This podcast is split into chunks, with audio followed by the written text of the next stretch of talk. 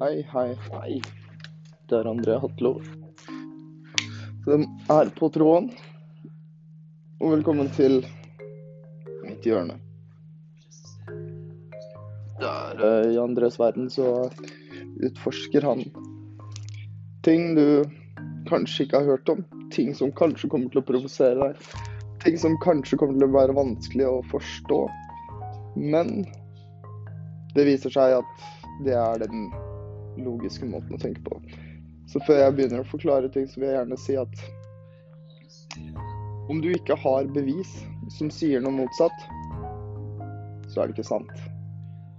Bevis er det som gir samtykke om en sannhet. Uten bevis så er det bare en tro. Og hva betyr en tro? Jo, en tro betyr ingenting. Det betyr en illusjon, en fantasi. Det betyr absolutt nada. Så jeg vil begynne med å si at alle veit hva sykdommer går ut på. En sykdom er noe som oppstår i mennesker her og der, men hvorfor oppstår det? Ikke sant? Når jeg tar og dytter en klinkekule på bordet, hvorfor flytta klinkekulen seg? Jo, fordi jeg dytta den med fingeren min. Så jeg gjorde at den flytta på seg. Det er en effekt som kommer ut ifra årsak og virkning. Årsaken er jeg dytta den med fingeren min. Og virkningen er at klinkekulen glei bortover bordet. Så hva er årsaken til sykdommer? Hvorfor oppstår sykdommer? Det er mye enklere å se på det engelske ordet dis is. Dis betyr u, Is betyr avslappet.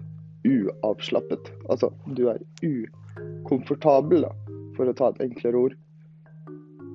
Der du er. I deg selv, eller hvor enn du er.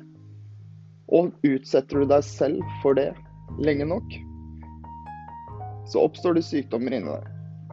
Så ukomfortabelhet, hvordan kan man se det på en annen måte? Hvorfor oppstår ukomfortabelhet? Jo, ukomfortabelhet kommer ut fra stress. Er det noen som syns at stress er gøy? Tviler jeg veldig sterkt på. Det er vel noen som kan mestre det mer enn andre. Men jeg kjenner ingen som syns det er gøy. Eller å, å nyter å stresse. Men så ser du hvem er det som blir utsatt for eh, disse sykdommene. Jo, mennesker som vanligvis ikke har det bra før de fikk sykdommen.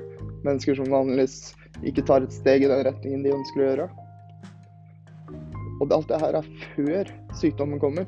Så man har, man har muligheter til å snu det rundt.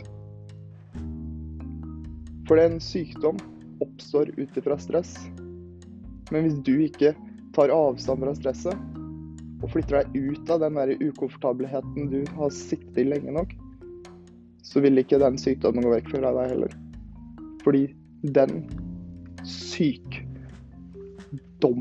deg. Den dømmer deg til å være syk. Kroppen din dømmer seg selv fordi kroppen din, som er så å si egentlig bare skipet ditt Du er en sjel i en kropp. Kroppen bruker du og ser på det som et skip kroppen vil faktisk ikke være i der. Eller kroppen har det ikke bra. Og derfor kommer sykdommer. Alt dette er dokumentert over tid, men altså det, det, det som bare gjør alt veldig morsomt, er at medisin kurerer ingenting. Alt medisin gjør, er å flytte symptomer fra en til det andre. Og akkurat som at radiasjon kurerer kreft. Nei, det gjør ikke det. det, det radiasjon bare pumper kroppen full av giftstoffer som bryter ned kroppen.